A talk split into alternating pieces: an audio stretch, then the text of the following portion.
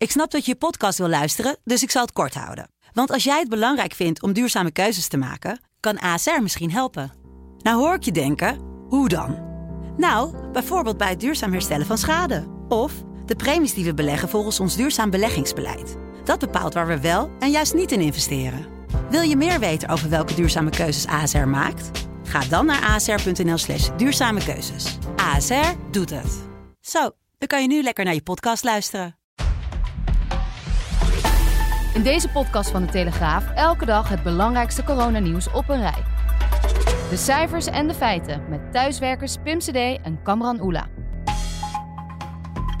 Goeiedag, zondagavond 5 april 2020, aflevering 20 van onze corona-update. Luister hem eh, dagelijks via de site of de app van de Telegraaf of natuurlijk op je favoriete podcast-app. En met vandaag, burgemeester Marcouch stelde vast dat handhavers in zijn gemeente om moesten gaan met idioten. Dit had een mooie sportzondag moeten worden. Sportverslaggever Hans Ruggenberg vertelt over de wielerkoers die we vandaag in het zonnetje hadden willen zien. En wat te doen als je in een latrelatie zit. Daar vertelt journaliste Sabine Leenhouts over. Maar eerst, zoals je van ons gewend bent, de RIVM-cijfers van vandaag. Door Telegraafcollega Pim CD. Het officiële dodental door het coronavirus in Nederland is gestegen naar 1766. In de afgelopen 24 uur zijn er 115 sterfgevallen gemeld. Dan het aantal nieuwe meldingen over ziekenhuisopname, 253. Dat is aanzienlijk minder dan een dag eerder. Het aantal positieve coronatests dat nam met 1224 toe tot 17.851.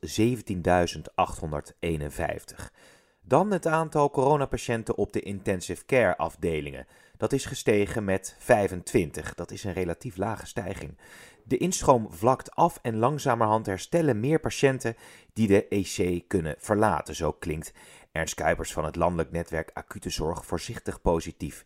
In totaal liggen er 1385 coronapatiënten op de IC's. Dat zijn mooie, voorzichtig positieve berichten. En om tien over één vandaag was het in de Hoek van Holland precies 20 graden volgens Weer Online. En dus spreken we officieel van een warme dag, de eerste van het jaar. Zorgen waren dan ook of het wel goed zou gaan met de maatregelen in het land. Veel stranden en parken waren op voorhand al dicht hè, op deze warme zondag.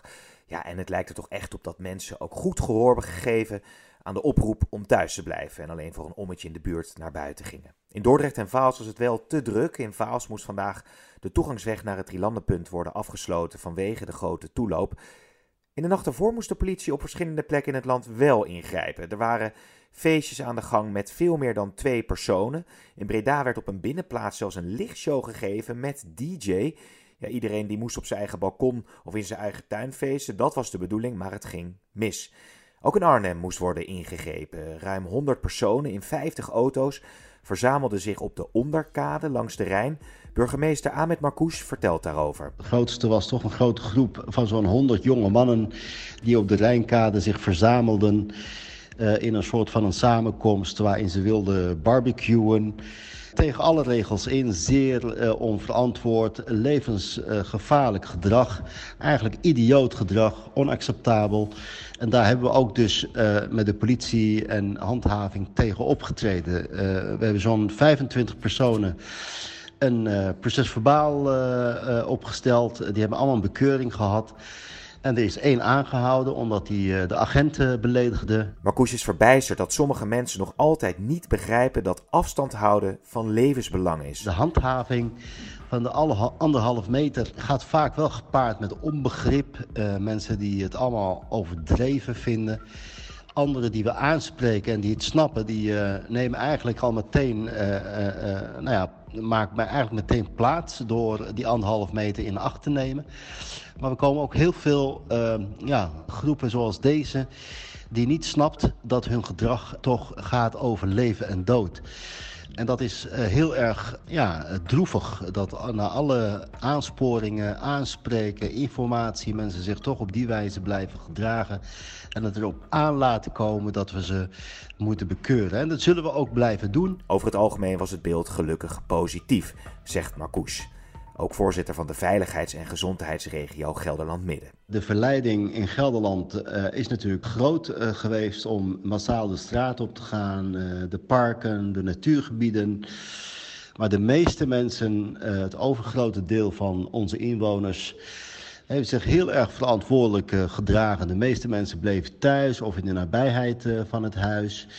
Anderen die een ommetje maakten, hebben de afstand van anderhalf meter in acht genomen. Dus over het algemeen was dat, ondanks het zonnige weer, toch heel erg rustig gebleven. En heeft iedereen zich eigenlijk ook aan de regels gehouden. En gelukkig houden verreweg de meeste mensen zich wel gewoon goed aan de regels. Thuiswerken en eh, thuisonderwijs zijn razendsnel ingeburgerd. Maar op relationeel gebied kunnen dit toch zware tijden zijn. Voor singles bijvoorbeeld die niet kunnen daten, of voor mensen die een latrelatie hebben. Pim vertelt daarover. Ja, Kamran, mensen die een lange afstandsrelatie hebben, die zijn het natuurlijk wel gewend om elkaar niet dagelijks te zien. Hè? Maar dat ze nu niet eens weten wanneer ze elkaar weer kunnen vasthouden, dat maakt het toch lastig. Vrouwjournaliste Sabine Leenhouts die maakte een serie verhalen over seks en relaties in tijden van corona. Dit weekend stond ze dus stil bij latrelaties. Ze sprak erover verschillende stellen Zoals Jessica, die in Nederland woont, en haar vriend Jason, die Londen als thuis heeft. Jessica woont in, uh, in Nederland en haar vriend uh, Jason die woont in uh, Londen. zij zagen elkaar normaal gesproken echt wel om de maand. Ehm, vaak nog wel, wel meer.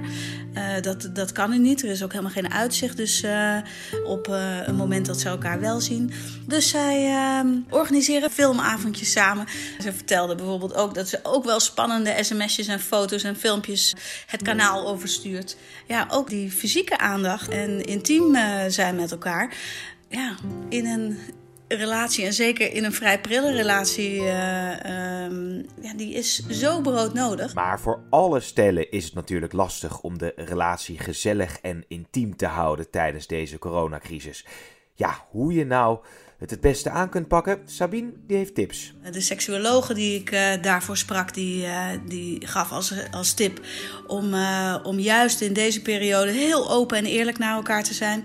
Niet zomaar aannames doen als er irritatie ontstaat, maar echt duidelijk vragen waarom iemand iets op een bepaalde manier zegt, zodat je niet in ruzies verzandt die nu veel moeilijker op te lossen zijn, omdat je elkaar niet uit de weg kunt gaan. Om het een beetje romantisch te houden, moet je een heel duidelijk verschil maken tussen de dagbesteding en de avondbesteding. Heb je je kinderen thuis uh, rondhollen. Nou, die gaan op een gegeven moment echt naar bed en neem dan tijd voor elkaar. Zodat je uh, je heel erg verbonden blijft voelen. Weer wat geleerd op deze manier. Ja, en dan uh, sport. De marathon van Rotterdam, de Formule 1 Grand Prix in Vietnam en de Ronde van Vlaanderen. Het had een prachtige sportzondag moeten worden. Maar geen van de evenementen ging op de reguliere wijze door. Heel Vlaanderen en veel wielrenners ja, die keken er al een jaar naar uit. Hè. De klassieker, de Ronde van Vlaanderen. Door de coronacrisis werd ook deze koers geschrapt.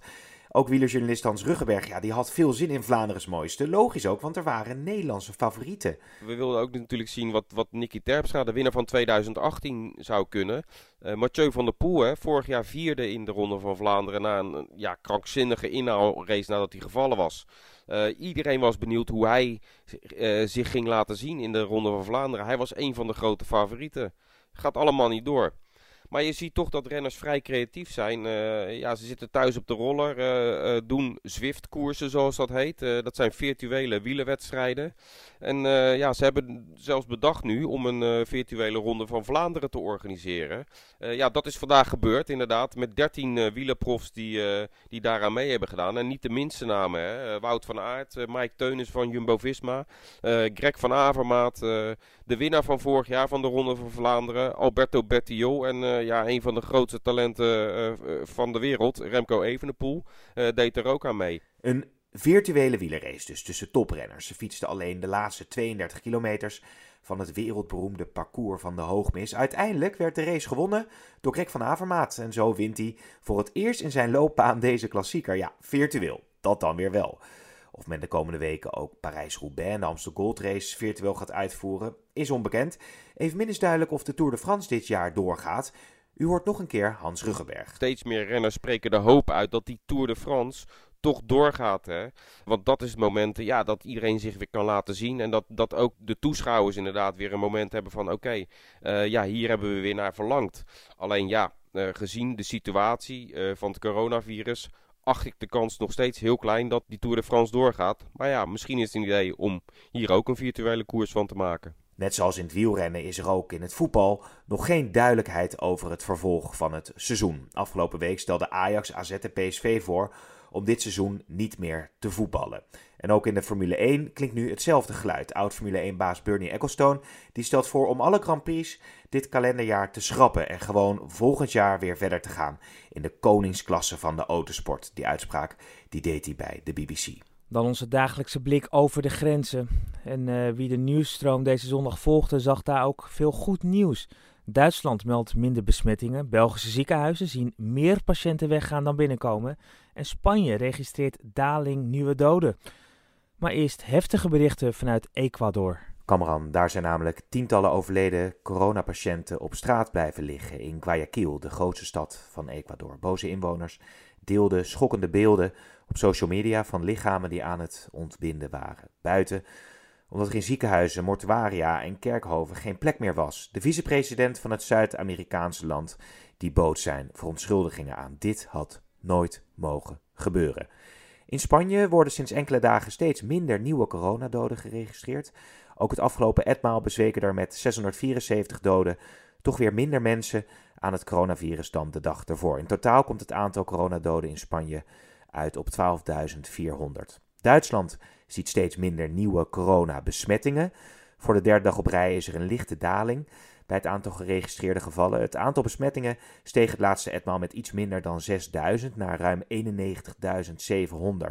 Het aantal coronadoden in Duitsland 1342. In België hebben de ziekenhuizen voor het eerst in de coronacrisis in 24 uur tijd meer patiënten ontslagen dan dat er nieuwe patiënten zijn opgenomen. Er werden 499 nieuwe opnames geteld, wat de derde daling op rij is ook. En daar stond tegenover dat 504 patiënten zijn ontslagen. In totaal zijn 8273 mensen met corona opgenomen in ziekenhuizen, terwijl er 3751 weer naar huis mochten. En tot slot een opmerkelijk bericht uit Schotland. De politiek daar die moest de gezondheidscoördinator van de Schotse regering op de vingers stikken, omdat zij echt waar de coronaregels had geschonden. Catherine Calderwood die was met haar gezin naar haar tweede huis vertrokken. En dat gaat in tegen notabene haar eigen adviezen. Op Twitter betuigt ze nu spijt. Ze zegt dat er redenen waren om naar haar buitenverblijf te gaan, maar ze erkent dat het niet de juiste waren. De oppositiepartijen die eisen inmiddels haar aftreden. Tot slot natuurlijk nog een aantal korte coronaberichten door Pim.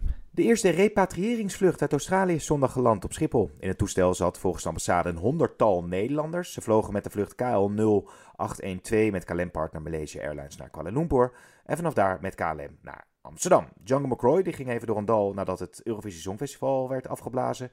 De zanger die namens Nederland uit zou komen, heeft het nu een plekje kunnen geven. Dat vertelde hij op Instagram aan Paul de Leeuw. Dan een vrijwel lege Sint-Pieters-basiliek in Rome. Daar heeft paus Franciscus de mis voor Palmpasen opgedragen. Er waren geen gelovigen aanwezig, behalve wat paters en nonnen die vanwege de coronavoorschriften ver uit elkaar zaten. Palmpasen is het begin van de zogeheten Goede Week.